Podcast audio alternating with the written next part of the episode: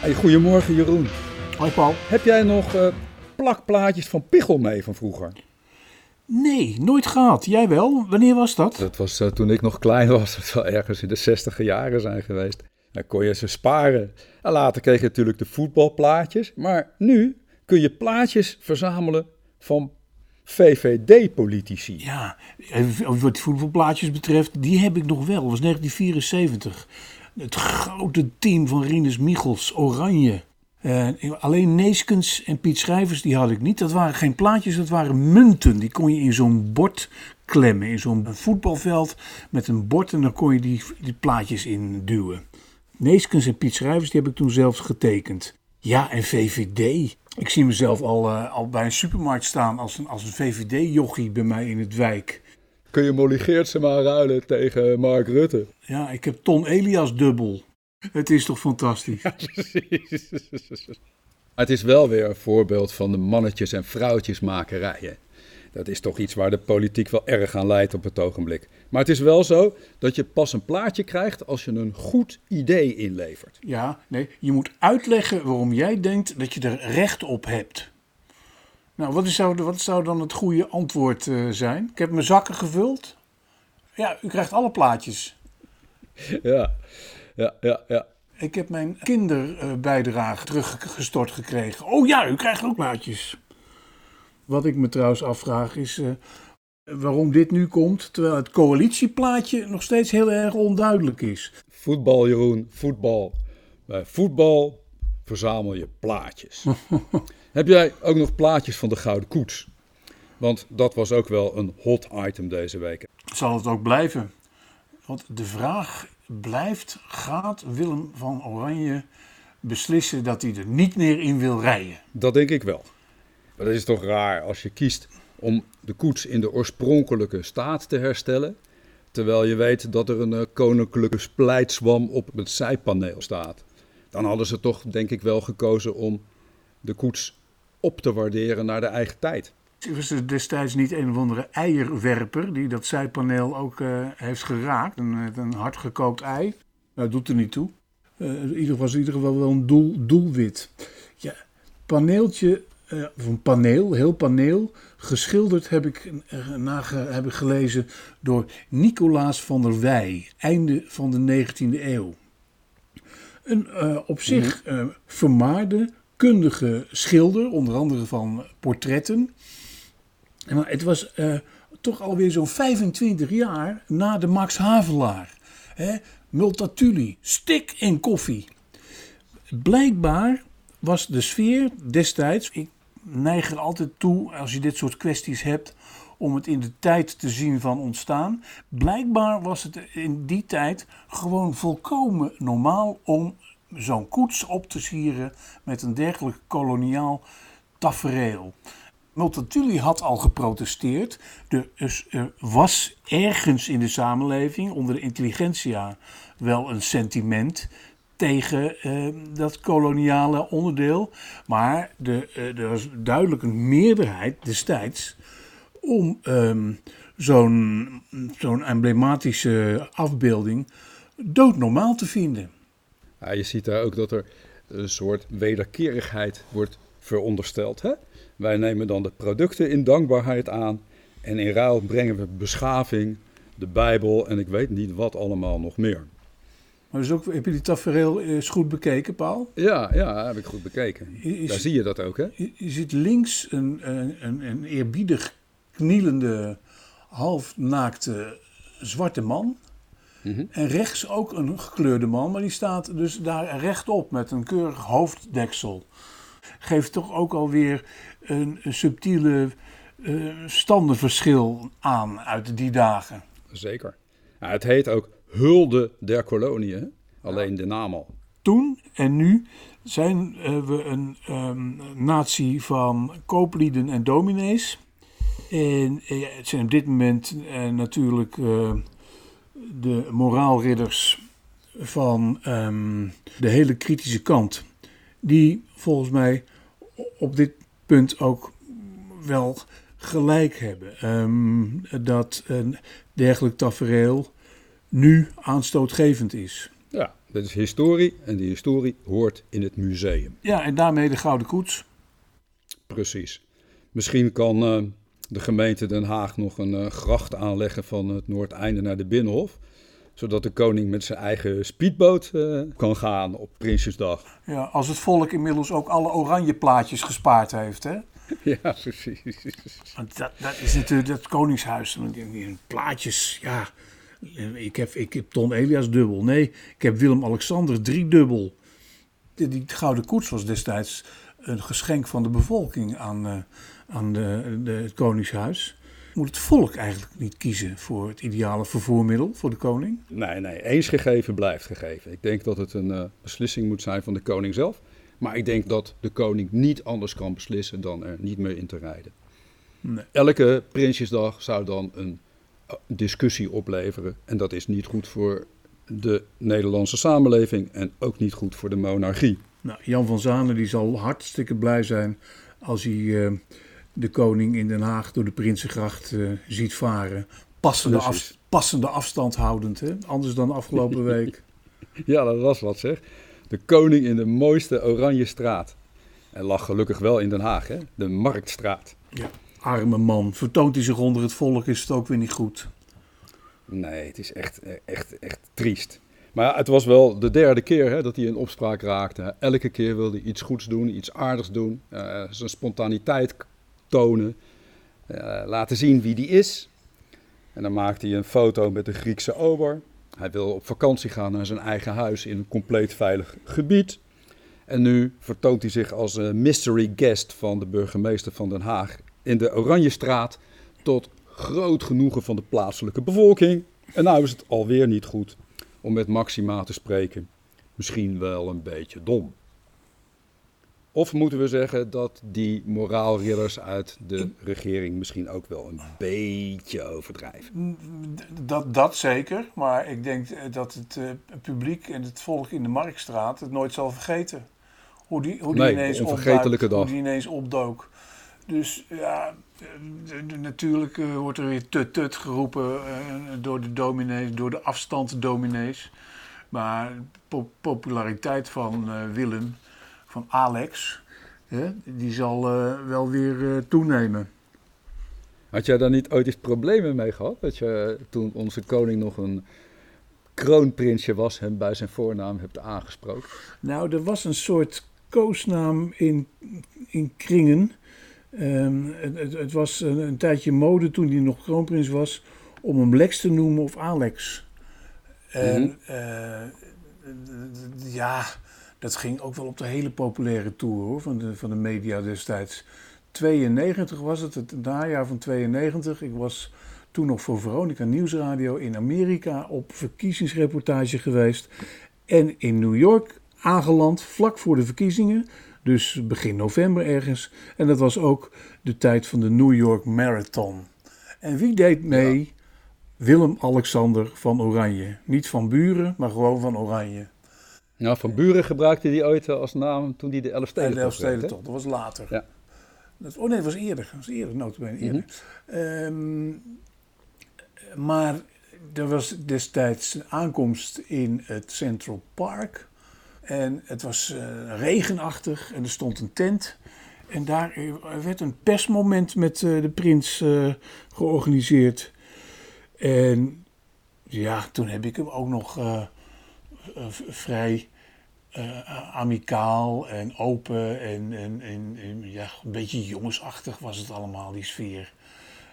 met Lex aangesproken. En hij zei toen voor mijn microfoon: Je bent een completer mens als je dit gehad hebt. Nou, dat hebben we toen jarenlang ook nog als een instart jingle gebruikt bij Veronica Sportradio. Je bent een completer mens als je dit gehad hebt. Nou, dat was 1992. Wat heeft die mm. jongen in zijn ontwikkeling na koning en inmiddels als koning uh, inmiddels niet uh, naar zijn hoofd gehad ter completering van het ja. beeld? Een, um, een, een, gecompliceerd plaatje. En er zit een, um, en dat weet ik nog van toen, er zit een veel leukere man in dan de rol die hij moet spelen. Die leuke man heeft hij laten zien, hè? Afgelopen ja. week. Ja, ja, ja. Nou, dat, dat wordt hij ook, denk ik, steeds meer. Dus er zit, er zit, nog, wel, er zit nog wel groei in hem. Goed zo. Ja, de Koningshuis kan het ook wel een beetje gebruiken. Want de populariteit was ernstig gedaald de laatste tijd. Het Koningshuis, hmm, ach, het ehm, is nog niet zo oud bakken als de Gouden Koets. En, nou, laat ik zo zeggen, Alexander Willem-Alexander doet zijn best om uh, volkser te worden. Misschien is dat wel geruststellend. Zolang wij uh, goede koningen hebben die geen kwaad doen, die er ceremonieel altijd goed opstaan, vind ik dat prima.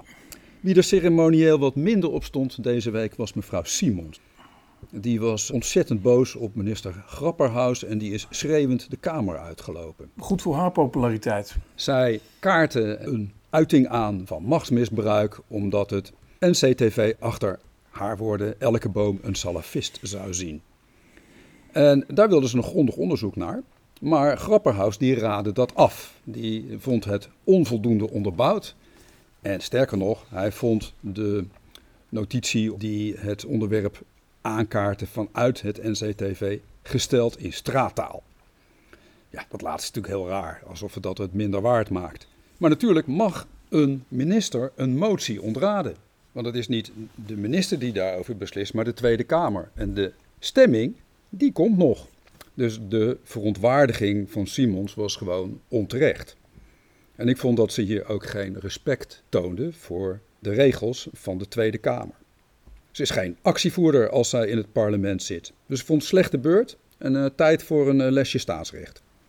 Nou, aan de andere kant is het uh, wel aan haar om dergelijke moties ehm, te opperen, om die neer te leggen. Ja, zeker. het is, nou ja, dan misschien geen activisten, maar wel uit een opstandige, terecht opstandige, gemêleerde, diverse, ehm, terecht op sommige punten kwaaie gemeenschap in de Kamer gekomen. Zij moet dat signaal al laten horen. Laat ik zeggen dat ze temperament toont. Want in de Tweede Kamer gaat het natuurlijk niet om dat je gelijk hebt, maar dat je gelijk krijgt. En dat doe je door middel van een parlementaire meerderheid. Dus uh, nee, slechte beurt. Maar het onderwerp blijft wel hangen. Ja, ze zet zichzelf wel weer op de kaart. Dat komt nog wel terug. Er wordt nog over gestemd. Dus de motie van haar, die komt in stemming. En als de meerderheid van de Tweede Kamer zegt dat onderzoek moet er komen, minister, dan moet het er komen. Zo is dat toch. Ze kan wel eens wat artificial intelligence uh, gebruiken. Ik las uh, deze week dat de NS gaat werken met text-to-speech. Weet je wat dat is? Is dat niet een computerprogramma eh, dat de nieuw opgenomen stem van een nieuwe stemactrice naar believen in um, hele actuele nieuwe zinnen kan omvormen? Ja, ik kan zinnen maken afhankelijk van de stemming. Dus je kunt iets inspreken, heel neutraal. En dan maakt text-to-speech ervan dat het boos klinkt, of dat het vrolijk klinkt, of dat het hoevig klinkt. Je kunt er van alles mee doen. Dus zo zou de, de, de boze woorden van mevrouw Simons, die zouden met uh, zachte zacht stemgeluid met een licht Franse accent kunnen worden uitgesproken. Toch vind ik het griezelig hoor, die artificial intelligence, als dat steeds meer zaken gaat overnemen en ook menselijke emoties gaat regelen. Brr. Het was wel aardig om te lezen dat die tekstactrice was uitgekozen vanwege haar geruststellende toon. Het is niet kunstmatige intelligentie, maar er is over nagedacht om een vertraging van drie kwartier bij de mensen toch gunstig te laten indalen. Wat natuurlijk iets anders is uh, dan een mechanische stem die een hele andere soort boodschappen over de, de menigte verspreidt.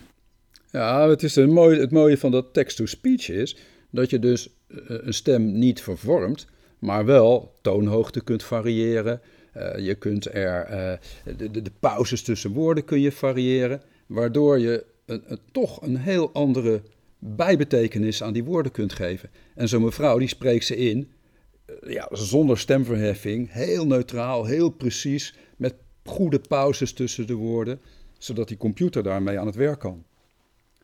In Nederland zie ik of hoor ik nog geen ehm, nadelige of, of eh, heel erg manipulatieve boodschappen in, in deze trant. Ik, ik, ik, ik, ik kan me nog niet voorstellen in een samenleving als Nederland. Artificial intelligence, je ziet het nu al gemanipuleerd met beelden op internet. mensen die compleet voor de gek gehouden worden door een persoon die niet bestaat. Het is toch iets wat, wat de samenleving gaat raken. Ja, maar dat, vind ik, dat zijn Russische toestanden. Is dat, dat is laatst toch gebeurd met een, een of andere politicus die uh, volkomen gefaked was. Ja, maar er zijn in Nederland genoeg mensen die dat dan geloven. Dat zegt meer over de goedgelovigheid van de mensen dan over de inzet van dergelijke techniek. Maar daar, is, daar moet je het ook, ook over nadenken. Eh, in hoeverre um, een bevolking of groepen manipuleerbaar zijn. Er is genoeg te doen over allerlei complottheorieën. Wat dat betreft is waakzaamheid natuurlijk heel belangrijk, maar ook gewoon informatie, kennis daarover, kennis van die technieken. Er zijn mensen die zich echt afkeren van het, wat jij en ik zouden noemen, normale geluid. En dan zeggen, ja, jullie zijn, uh, hoe noemen ze dat ook, uh, schapen. Hè? Jullie worden gemanipuleerd door de media. Jullie worden gemanipuleerd door de regering. Er zit een plan achter. En dat wordt toch lastig uh, overtuigen hoor. Jullie moeten VVD-plaatjes sparen. Ja, precies. Dan vraag ik me nog wel eens af. Stel je voor dat dat erger wordt en steeds meer toeneemt. Waar kan ik nog naartoe? Vroeger kon je nog naar België volgens het goede doel. Maar ik, ik, ik denk wel eens, stel je voor dat die verhoudingen steeds verder verzieken binnen Nederland, binnen Europa. Waar kun je nog naartoe, Jeroen? Naar een, uh, een fijn, rustig plaatsje op het platteland. Ja, hoe gaat het nou in het platteland? Kijk, nu de corona afneemt en er ook wat minder aandacht voor is, eh, is het wel weer eens tijd om over de grenzen te kijken. En dan zie je bijvoorbeeld dat in Hongarije nu een nieuwe wet is aangenomen tegen LHBTI-mensen. Dat je hetzelfde zag in Rusland. Dat er in Polen op dit moment LHBTI-vrije zones zijn. En die zitten met name op het platteland.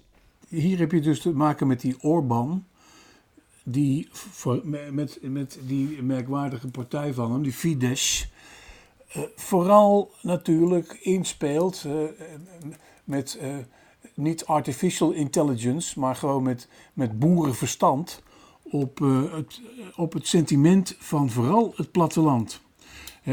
En daar heeft de Budapest Pride, homobeweging in hoofdstad Budapest, natuurlijk terecht ook tegen gewaarschuwd.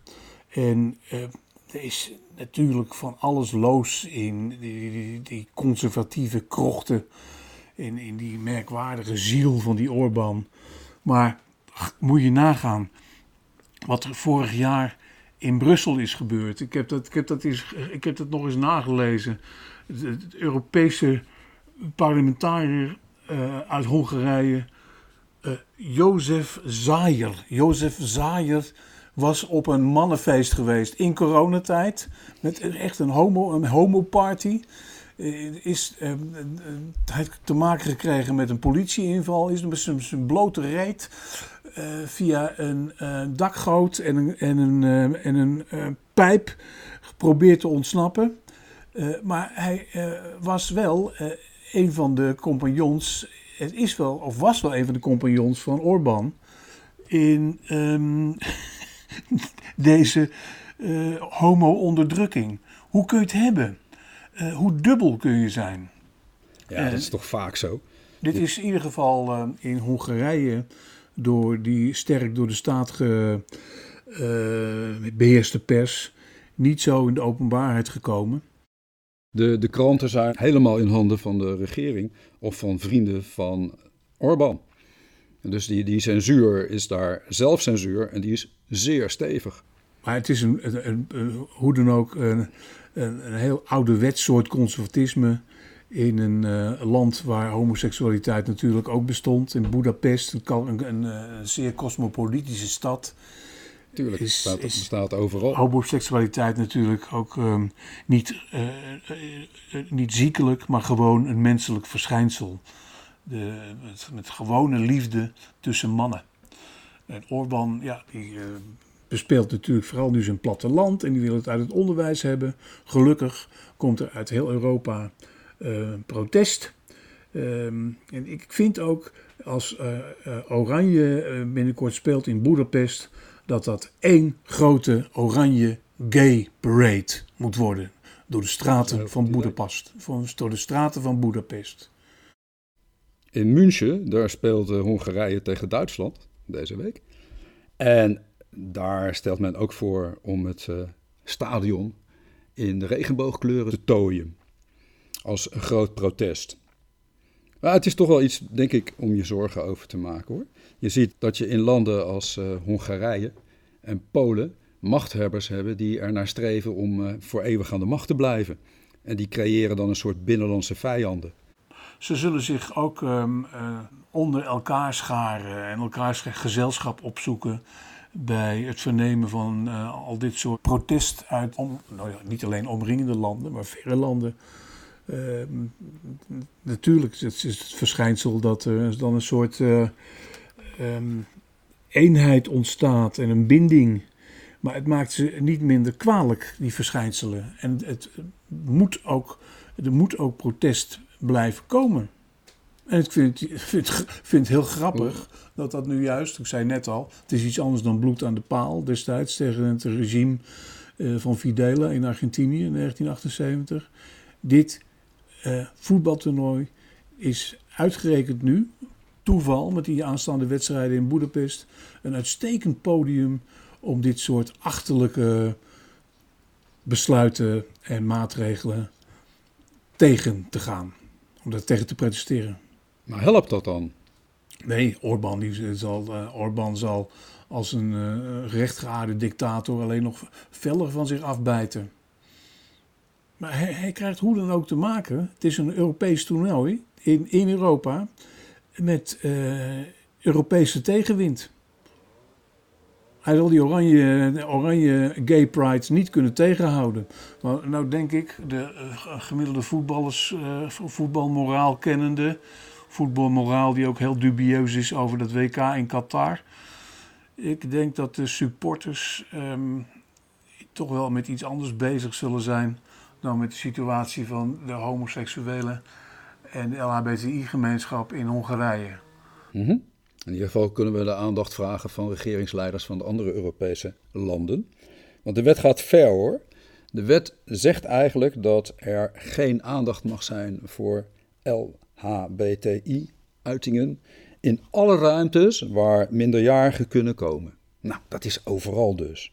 En dat vertaalt zich dan naar boeken, films, onderwijs, tv, reclame.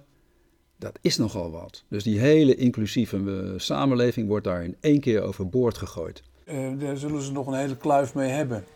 Maar ze zullen toch te maken krijgen met alles van repressieve regimes, allerlei vormen van verzet. Uh, als het dan niet via de officiële pers kan, in illegale media. Dus Orbán is hier nog niet van af, hoe heftig zijn repressie ook is. Hij kan dit soort menselijke gevoelens gewoon niet onderdrukken. Um, en ook daarom blijft het zaak dat er vanuit het buitenland uh, sterk protest komt. En dat, dat dat protest te horen zal zijn. Nou, ik vind niet alleen protest, sancties denk ik heel erg belangrijk. Er wordt al ook over, over gedacht hè, op Europees niveau. Precies, dat wordt tijd. Maar dan ook effectief en doorzetten. Een andere zaak die nogal bezighoudt is wat er zich afspeelt in Ethiopië. En dat is een land wat geleid wordt door Abiy Ahmed die notabene in 2019 een Nobelprijs kreeg, een Nobelprijs. Omdat hij de vrede zou bevorderen, onder andere door zijn toenadering tot Eritrea. Dat is een keiharde dictatuur, wordt wel het Noord-Korea van Afrika genoemd. En op dit moment is in Ethiopië een stevige burgeroorlog gaande. En deze president die gebruikt honger als wapen, samen met zijn compagnon Isaias Afewerki, dat is de president van Eritrea, die de grenzen afsluit, internationale hulptroepen niet toelaat, terwijl de soldaten van Ahmed de oogst vernielen. Dat is toch ook iets wat klein nieuws is op het ogenblik, maar verregaande consequenties heeft. Waar ik me dan weer verbaas dat dit ook niet leidt tot grote economische sancties. 3,5 miljoen mensen gaat het over. 3,5 miljoen mensen, ja. En het is verdorie de tweede keer dat een man, een andere keer een vrouw, die een Nobelprijs heeft gekregen. Ik heb het over Aung San Suu. De vrouw die in Myanmar eh, een tijd eh, belangrijk werk heeft verricht. Zich volkomen tegen de bedoelingen van de Vredesprijs keren. En er is wel een World Peace Foundation die uh, ook in dit verband heel duidelijk wijst over, op wat genoemd wordt starvation crimes. Hè. voormalige premier van Nieuw-Zeeland heeft zich erover uitgesproken, Helen Clark. Er zijn mensen die wel te eten hebben, ondanks droogtes. Maar uh, met coronapandemie er ook nog bij als complicatie, worden dus inderdaad die transporten tegengehouden. Wat, wat hier misschien uh, zal helpen, is heel ouderwets, meer beelden. Ouderwets, beelden. Maar ik neem aan dat die ook op allerlei manieren worden tegengehouden. En zo blijft die situatie in stand. Dus het is van een, van een misselijkmakende arrogantie van de macht. Onderwerp tot besluit, Jeroen. Ik ben vooral uh, heel ouderwets alvast bezig met uh, naar Frankrijk gaan. Ja, je gaat de tour weer, hè? De, de, de tour. Ja, had ik helemaal geen idee van. Maar ik zit in Zeeland. Ik heb er een boek geschreven over Zeeland. Ik heb contact met Omroep Zeeland. En die hebben me gesuggereerd om um, eens um, op een ouderwetse Jean Nelissen manier uh, romantisch die tour te belichten aan de hand van Zeeuwse connecties. Nou, dat is een heel aardige opdracht. Um, daar heb ik wel plezier in. En daar kan ik me ook wel allerlei dingen uh, bij bedenken. Dus ja, uh, naast dat EK uh, toch nog een keer zonnig door Frankrijk. Dat ehm, spreekt me wel aan. Je hebt ooit de tour naar Utrecht gehaald. Nu ben je een, een, beetje een Zeeuwse man aan het worden. Komt er binnenkort uh, nog een keer de tour naar Middelburg? Ik ben benieuwd. Ik, ik, ik, weet, ik weet, nog niet of ik Zeeuwse uh, lobbyisten tegen zal komen. Ik heb ze destijds in de Utrechtse lobby wel altijd verwelkomd. Ach, het was altijd zo grappig.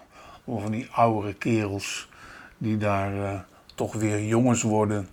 En de tourdirecteur benaderen. Wat doen we met hakketak terwijl jij in Frankrijk bent?